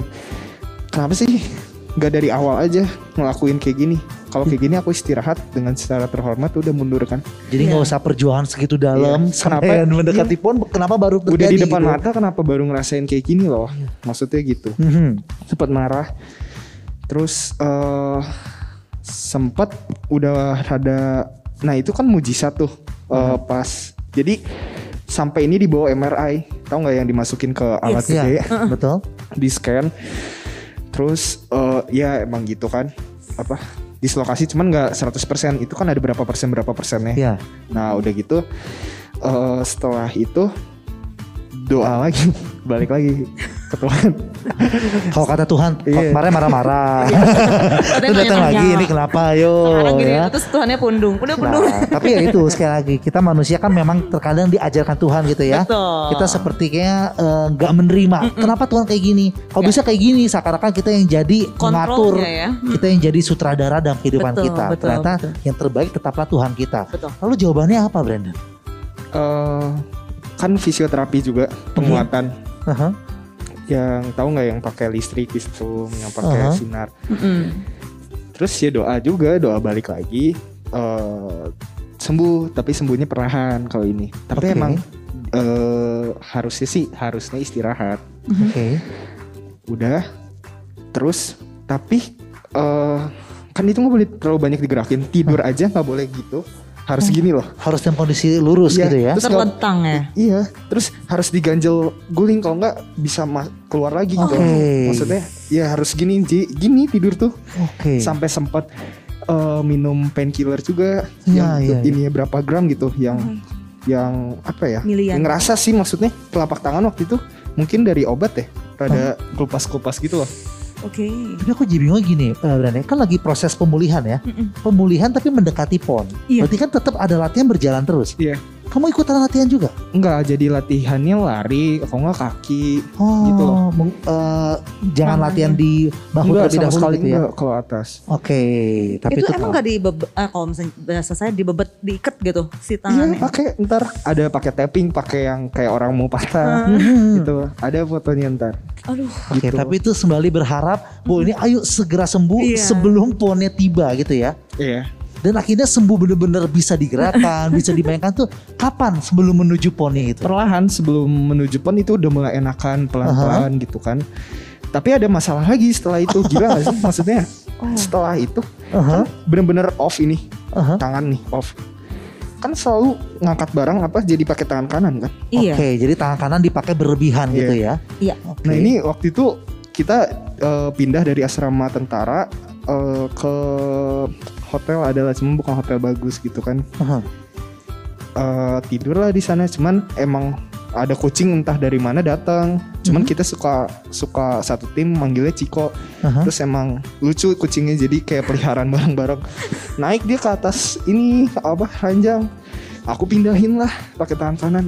Tek, ketarik pinggang. Aduh itu nggak bisa duduk nggak bisa nggak bisa berdiri. Sampai sempat mikir aduh ini apa saraf kejepit. Cuma sampai keringetan terus sampai akhirnya di eh, urut gitu kan Mhm. nggak sembuh sembuh gitu sampai akhirnya dibawa ke fisioterapi tegang mungkin karena aku banyak bawa barang ke sini kan bener-bener off Aha. ada ke- ketarik gitu loh Oke. sampai pinggang tapi itu rasanya sakit banget nggak bisa berdiri nggak bisa duduk nggak bisa tidur sakit banget sampai nggak bisa tidur itu sampai nah yang aku alamin di slok di slok nggak se eh, nggak se stres ini loh yang Hmm, Ini pinggang puncak stresnya kamu mungkin. nggak ya? bisa duduk nggak bisa berdiri pusing Iya sih dia Tapi harus tetap apa ya. latihan lagi. nggak nggak latihan jadi Akhirnya benar-benar nggak bisa latihan untuk cedera yang kali ini. iya maksudnya gini loh udah izin ke pelatih bilang ini tapi kenapa tiba-tiba pindah ini kan nggak nggak lucu gitu pelatih iya, bilang, iya, "Lu iya. main-main ya gitu oh kan bercanda nih deket iya. pon Udah, loh kalau gitu ya. Mau udah nggak usah katanya gitu kan. Karena setiap harinya tuh ada konsekuensi dicoret itu selalu ada gitu ya. Eh, eh, ada sih tiap bulan dulu cuman kalau udah menjelang pertandingan ya paling kita latihan-latihan paling kalau udah mau berangkat coret gitu Oh, kan kayak gitu lebih ya? sakit Seriusan lebih sakit kayak gitu kan Lebih sakit detik-detik dicoret itu ya. Biasa gitu kan. Aha. Oke. Terus nah di situ pas yang pinggang itu bener-bener udah pengen berhenti, pengen Aha. berhenti soalnya udah capek banget. Ya. Udah capek, udah sakit hati, sakit kepala gitu kan maksudnya sakit kepala mikir capek gitu kan, Aha. sakit hati gitu kan terluka, terus sakit apa? sakit tangan. Iya, sama sakit pinggang gitu kan. Huh, kayak Sam- eh, kumpulan lah ya, kumpulan semuanya. kesakitan tuh ada mendekati pon ini ya. Udah mau nyerah, bener-bener bilang udah mau nyerah. Gini loh, ini olahraga keras, olahraga laki. Gue buat berdiri tegak aja Susah. gak bisa. Apalagi mau dengan fisik yang Iya. keras nanti melawan musuh-musuh gitu ya. sakit mau berdiri aja sakit gitu pinggang waduh udah deh. Catatannya ini lombanya juga bukan berdiri loh, ya, berenang loh. Iya. Harus harus terus mengambang di dalam kolam Betul, renang betul. gitu. Akhirnya gimana? Kok bisa sampai akhirnya Iya. tetap diajak ke pon dan kesakitan-kesakitan itu bisa diatasi. Mm-mm. Nah akhirnya tidak bernyerah. dibawalah ke fisioterapi lagi Mhm. gini kena nih gini gini gini nah ini juga fisioterapinya baik banget aku kenal akhirnya dia fisioterapi terus dia bilang ini otot tegang katanya ketarik semua ya udah akhirnya di fisioterapi dikasih lampu hangat eh, di apa waktu aku nggak ngerti lah Aha. terus se- secara bertahap tapi sembuhnya bertahap pinggang udah mulai enak tangan udah mulai enak dan kaget juga mereka ini pemulihan tangan cepat Oh. harusnya berapa kali pertemuan tapi ini udah berapa kali pertemuan cepat sampai pelatih tuh datang mau ketemu ngobrol langsung sama Fisioterapinya. fisioterapinya gitu kan Aha. nah terus mujizatnya eh, ada lagi nih mujizatnya pas kita berangkat pon jujur yang putra tuh eh, semua udah bilang perak semua Oh, maksudnya percayanya kita perak gitu Oh jadi optimisnya akan mengejar perak gitu ya? Mereka kayak mensaja sendiri tuh perak. enggak soalnya eh, saingan kita berat Iya Oke. sih, betul. saingan kita berat Mhm. Lawan yang paling berat apa? DKI. nih? Hah? DKI DKI DKI ya? DKI soalnya kan eh gimana ya maksudnya pemainnya banyaknya pemain nasional gitu kan Oke. senior senior Aha. sedangkan kita eh ya masih kecil-kecil gitu kan Oke. Lagi-lagi ya perasaan kurang pengalaman itu mungkin ya dari terasa lagi ya. dari segi badan juga gedean pemain DKI sih waktu itu Oke. setelah jadi udah lengkap kan maksudnya mereka pengalaman bagus Aha. tinggi juga cuman ini yang satu yang eh, aku pikir pas malam sebelum final ya semua kan pasti tegang tuh malam Betul. sebelum final aku mikir gini aku nggak mau mikirin soal hasilnya deh Mhm. eh masalahnya ini mah lebih kecil sih final dibanding dengan apa yang aku hadapin kemarin-kemarin maksudnya mujizat-mujizat yang aku alamin sakit pinggang, sakit Hmm. tangan gitu. Jadi besok bener-bener kayak perayaan yang udah eh, yang gua harus jalanin setelah Tuhan kasih ke gua gitu Oh. mujizat. Jadi kayak udahlah eh, abisin aja be besok Nikmati aja ya, gitu ya. nikmatin, bener-bener di enjoyin sama bener-bener maksudnya abis-abisan. Eh, Soalnya Tuhan udah ngasih udah ngasih kesempatan ini loh. Betul betul. Eh, jadi ya udah eh gak mikir yang aneh-aneh berdoa dan setelah 62 tahun Jabar tuh belum pernah dapat emas dari zaman papa papa aja nggak pernah ikut pon Jabar soalnya nggak pernah Jabar tuh dulu yang paling bawah Oke. kasarnya gitu Oke. Aha. sekarang kemarin pas di Papua cetak sejarah jadi dapat emas Wow. yang nggak di ini yang nggak diperkirakan Wow, Keren yang loh. Bahkan untuk anggotanya sendiri yang sudah Hmm. memikirkan udah kita kayak perak yang terbaik deh yang bisa Yes. kita dapatkan gitu ya. lebih mungkin ke- lebih ke ini ya lebih ke yang luar kalau kita anak-anak Mhm. dan aku bersyukur kapten aku selalu yakinin ke anak-anaknya kita mah mas kita mas buktiin Oh. aja ke yang lain kita mah mas Oh. selalu Jadi- ngomong gitu Ekspektasi yang di luar perak, tapi su- eh, anggota pemainnya sendiri semuanya punya keyakinan bahwa akan membawa pulang emas sebenarnya ya. ini ada cerita lucu sih Aha. Sebenarnya eh, aku nggak nyalahin ini pihak mana pun ya Mhm. biasanya kalau kita udah menang tuh polo air taruh bendera daerah masing-masing di atas gawang terus kita selebrasi gitu waktu itu pelatih tuh sempat nelpon ke yang pihak KONI yang ada di Papua Aha. yang Jabar katanya eh minta dong bendera Jabar katanya yakin lah pasti menang sekarang Oh. nah tapi nggak tahu kenapa nggak dikasih benderanya mungkin ya nggak tahu mungkin lupa mungkin Iya, berpikir iya, iya. enggak kan Tapi kita nggak tahu bendera aku- itu nggak ya, ada gitu aku nggak nyalain ya. siapa-siapa Betul betul.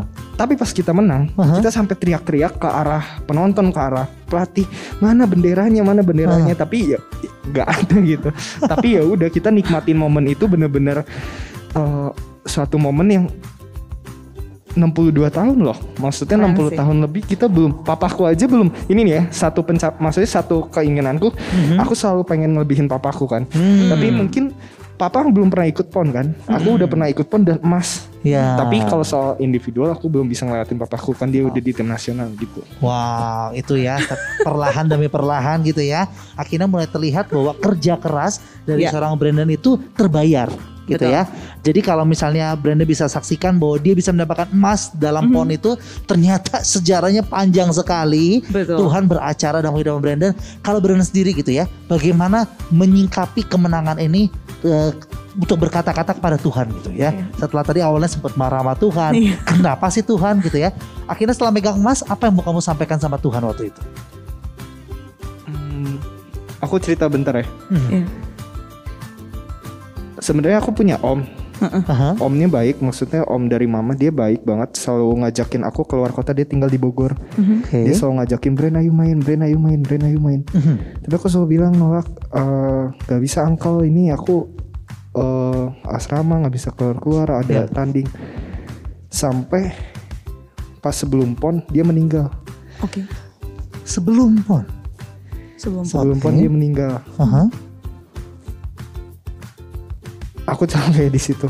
Maksudnya ketika aku datang ke Bogor ngeliat dia, pas dia udah nggak ada. Oke. Mhm. Padahal dia sampai di chat dia masih ada chat sekarang sampai di HP aku dia selalu ngajakin gitu. Maksudnya dia orangnya ramah, selalu ngajakin buat main. Mhm. Terus sebelum pon dia meninggal Aha. Bukan karena penyakit, bukan karena maksudnya bukan karena penyakit bawaan gitu, maksudnya ka- kaget dadakan.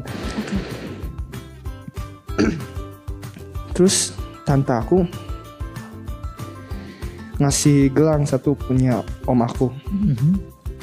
Dia bilang, Om pas angkal tuh pasti bangga kalau misalkan kamu pakai ini kalau emas. Padahal aku sendiri nggak yakin maksudnya emas gitu.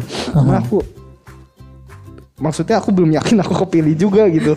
Iya, iya. Cuman aku ya udahlah jalanin dulu ya gitu. Sampai suatu saat ini kalau teman-teman tahu ya puncak kalau atlet tuh seneng tuh pas pas kita maju ke podium Ya, terus nangis betul. terus nyanyi lagu Indonesia gitu kan Mhm. wah itu orang tua bangga Hmm. teman-teman bangga guru bangga semua Yes. bangga dan tante aku tuh minta tolong kalau udah dapat emas foto sama gel- gelangnya angkel gitu. Ya. terus aku langsung cari waktu itu gelangnya di ruang ganti. Aku pakai aku foto pakai kalung emas. Aku nggak tahu kalau mungkin masih ada mungkin dia pasti bakal bakal pas udah pulang itu pasti dia bakal ngerayain gitu kan atau apa. Terus aku cuma bisa bilang maksudnya ke Tuhan makasih banget ke Tuhan aku udah bisa ngerasain ini gitu. Maksudnya aku sudah terlibat dalam rencana Tuhan walaupun sampai detik sekarang jujur masih ya bukan anak gereja gitu kan. Mhm. ya tau lah Eh, cuman makasih eh, ke Tuhan waktu itu. Bener-bener Tuhan tuh berbuat sesuatu ke aku dan jadi kado juga buat aku di tahun itu udah nggak bisa ketika kita udah nerima suatu penghargaan yang sangat amat berharga tuh kita udah nggak tahu mau ngomong apa cuma bisa bilang "Ya, terima kasih doang terkagum-kagum dengan karya Tuhan yang begitu luar biasa gitu ya. Iya. Tadi kalau kita dengar cerita dari Om juga gitu ya, berarti kita juga bisa menyimpulkan bahwa eh, karya atau eh, pendapat pencapaian dari seorang Brenda itu juga tidak terlepas dari bagaimana doa support-support dari orang di sekelilingnya gitu Hmm. ya. Nah, akhirnya kita bisa melihat ini semua bisa terjadi gitu ya. betul. Luar biasa. Yakin juga ya Om di atas sana juga bangga sama Brenda pastinya banget ya. pasti. Wow, ini luar biasa banget ya. Kita dapat satu kesaksian yang luar biasa. Brandon tadi bilang ya, kalau aku eh, bukan anak gereja gitu ya. Tapi kalau Kajul boleh menangkap juga gitu ya. Mhm. Hari ini Kajul diajarkan bahwa kita nggak harus kok untuk jadi berkat di dalam gereja gitu Betul. ya. Hari Betul. ini kita bisa melihat satu contoh anak muda yang di mana Tuhan utus di luar gitu ya untuk menjadi berkat nggak cuma untuk orang-orang percaya di gereja gitu ya Betul. tapi menjadi berkat untuk siapa pun yang ada di tim eh, tim dari Brandon Hmm. Iya. atau mungkin untuk bahkan untuk Jawa Barat gitu ya menjadi berkat untuk satu eh, daerah yang begitu luas juga Mhm. itu yang bisa kita tangkap juga dari cerita Brandon ini oke banyak ya Kak Jo ya Banyak hari ini kayaknya eh, banyak yang bisa kita eh, simpulkan gitu ya Hmm. kalau Kak Jo sendiri mau menyimpulkan dari segi apanya nih Kak Jo di hari Kalau ini aku ngeliat anak muda yang bisa direspek sama Mhm. orang gitu ya dari Mhm. cara dia berperilaku, dari cara dia berpikir gitu. Seorang Brandon yang harusnya anak remaja eh, impulsif, dia nggak impulsif sama sekali, Bapak Ibu. Eh, pesan sobat maestro dengar dari sesi 1 sama sesi 2, apa pun yang dilakukan dia pasti berpikir dulu. Dia tahu konsekuensinya apa gitu. Sebelum eh, dia memutuskan sesuatu tuh dia udah berpikir panjang ke depan. Dan juga pastinya ada dukungan dari orang tua gitu kan. Dan yang kedua dia bertanggung jawab sama masalah yang dia hadapi saat itu. Even itu berat sekalipun gitu ya saya lihat bahwa dia bilang ya nggak akan putus asa nggak akan putus asa tetap tanya Tuhan. Itu ya. Eh, satu eh, dua perilaku yang aku lihat dan ditangkap itu bahwa Brandon tuh benar-benar bisa direspek sama orang lain sih dari cara dia membawa dirinya sendiri itu sih kak Oke, dan aku juga nangkap juga untuk menambahkan dari Boleh. cerita Kak Jo ya. Mhm. Aku juga tadi dan sobat Master belum pernah belum mendengar cerita ini. Tadi sudah kita ceritakan sebelum kita on air ya, Iya. bahwa Brandon ini satu-satunya yang diberikan kesempatan untuk ikut dalam poli, eh, polo air ini, tapi juga ikut kuliah. Betul ya Brandon ya?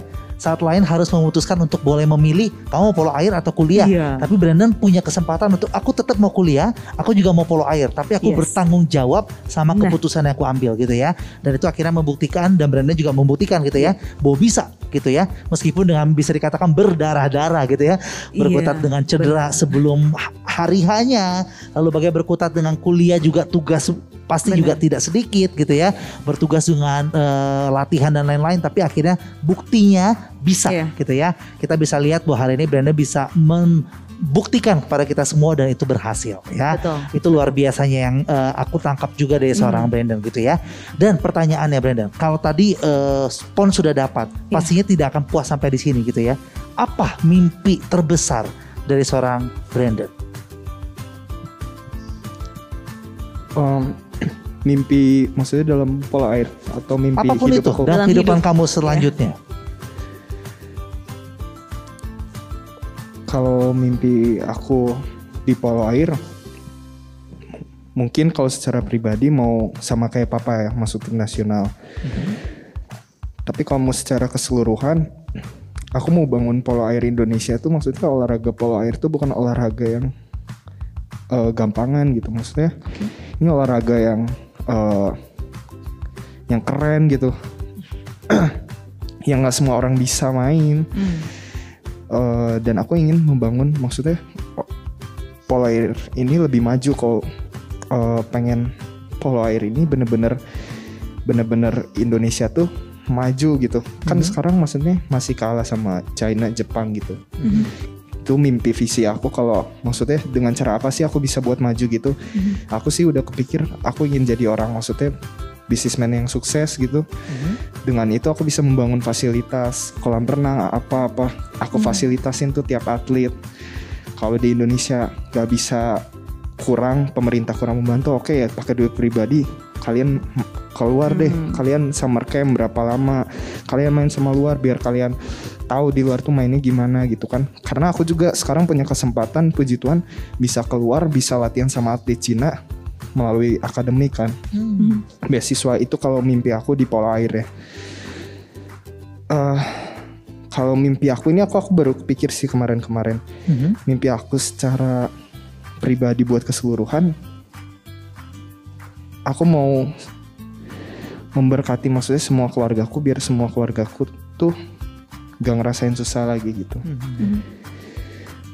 itu aja sih intinya ya mau jadi berkat itu mimpi dari seorang Brandon Hmm. gitu ya luar biasa Kak Jo mau merespon seperti apa Kak Jo? Aku ngelihat ya Tuhan tuh bener-bener ada sama Brandon sih. Hmm. Even Brandon bilang ya bu, ya nggak sering ke gereja gitu ya. Mhm. Tapi itu Tuhan bener-bener punya rencana buat Brandon yang aku li- lihat ya. Oke. Sampai aku tadi pengen ngomong tuh kayak gak ada yang mustahil sih soalnya. Kalau misalnya Hmm. kita percaya, gitu sih. Kita diajarkan ya, Berserah hari ini kita dikasih Iya. gambaran bahwa Tuhan bisa beracara, bisa bekerja lewat banyak hal gitu ya. Dan kalau tadi sepertinya pintu tertutup nih semua gitu ya. Yes. Tuhan bisa bukakan dengan ajaib seperti yang dialami oleh Brandon Iya. gitu ya. Dan tadi akhirnya terjawab nih Brandon, kenapa kamu nggak disuruh jadi kedokteran? Kenapa kamu nggak ikut science, eh, sport science gitu ya? Karena kamu tadi seperti mimpi kamu tadi, Yes. kamu ingin jadi seorang bisnismen yang hebat, Iya. sehingga kamu bisa memfasilitasi gitu ya, dan memperkenalkan olahraga ini lebih luas Betul. lagi pada orang Indonesia. Betul. Dan ke depannya mungkin badminton kita berjaya di dunia. Benar. Siapa tahu sekarang tambahannya dengan air. badminton dan juga polo air. Betul. Seperti itu ya. Jadi ternyata rencana Tuhan tuh nggak ada yang kebetulan gitu ya. Hmm. Nggak kebetulan karena pandemi nggak ikut kedokteran nggak seperti Iya. itu rasanya ya. Oke ternyata satu persatu eh, kita cari benang merahnya ditemukan Kak Jo ya. Iya Sepertinya sih. ya. Wow, ini Nah, sampai speechless. Menuju ke rangkaian acara akhir kita ya, aku mau nanya sama Brandon. Semua orang punya definisi sukses. Iya. Seorang Brandon sendiri, apa sih definisi sukses menurut kamu? sukses ya sukses tuh ketika kalau kita eh, kita tuh nggak malu sama diri kita sendiri gitu Mhm.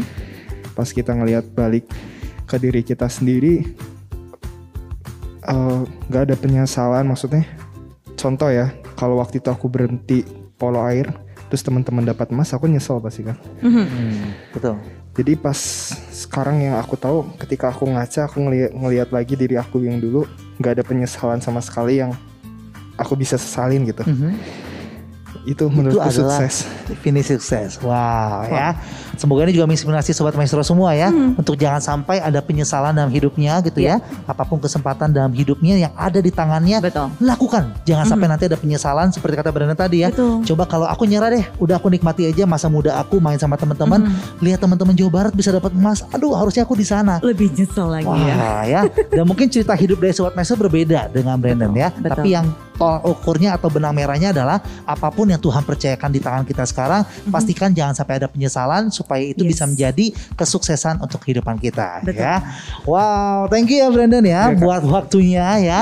Hari ini kita belajar banyak sobat maestro sekali lagi rasanya ini akan menjadi inspirasi atau jadi berkat bagi banyak orang. Pastikan juga kalau sobat maestro mendengarkan ini kalau mau sharing ke teman-teman lain Yes. juga bisa ya. Betul. Silakan share sekali lagi ada di Spotify kita, di Maestro Radio Bandung ataupun di channel YouTube Channel kita juga ada ya di Maestro Radio Bandung. Sekali lagi terima kasih sobat Maestro untuk kebersamaannya dan tidak terasa kita sudah sampai di penghujung acara Mhm. kita dan Brandon, memang kamu atlet, kamu gagah untuk olahraga ini gitu ya. Tapi kita mau challenge kamu di akhir acara kita ini Mhm. untuk bisa menutup menjadi seorang penyiar menutup rangkaian acara kita di hari ini. Boleh Brandon ya? Silakan. Kak bentar, aku mau nyampein satu pesan Oh, ya satu pesan terakhir ya. Oke, untuk sobat Maestro. Boleh, boleh, boleh. yang lain. Ya. Ini buat mungkin adik-adik aku ya kalau ngedengerin. Eh, ini kan aku cerita ini mungkin jadi semangat buat kalian ya. Mungkin sekarang kalian udah semangat, tapi aku mau bilang kayak gini. Kita tuh dihakimin sama orang tuh bukan dari apa yang kita mimpi kita yang kita mau mulai, tapi kita tuh dihakimin dengan hasil apa yang kita udah perbuat. Jadi kalian punya mimpi yang hebat itu hebat, tapi orang nggak akan ngakuin kalian dengan mimpi yang hebat itu. Orang tuh bakal ngaku- ngakuin kalian kalau kalian udah melakukan hasil dari mimpi kalian itu. Jadi setelah ngedenger ini kan kalian pasti punya mimpi yang hebat tuh. Yes. Kalian jangan ngubur mimpi itu. Kalian lakuin dengan konsisten, dengan jangan nyerah. Karena percaya pasti kalian eh, suatu saat bakal di posisi itu. Orang pasti akan ngehargain kalian dengan apa hasil yang kalian perbuat itu aja ya. Wow ya, Wow. menjadi pencetak sejarah gitu ya, mewujudkan mimpi Ya. bukan hanya memiliki mimpi. Betul. Wow, keren. Silakan Brandon boleh menutup rangkaian acara kita di hari ini. Ya. Dari Geraha Maestro Jalan Kaca Piring 12, Bandung, saya Brandon Zevanya Gracielo dengan Kajul dan Kajo. Kami semua pamit undur diri. Tidak ada rasa hormat terhadap orang lain tanpa kerendahan hati dalam diri sendiri dan Tuhan memberkati. Tuhan memberkati. Bye bye.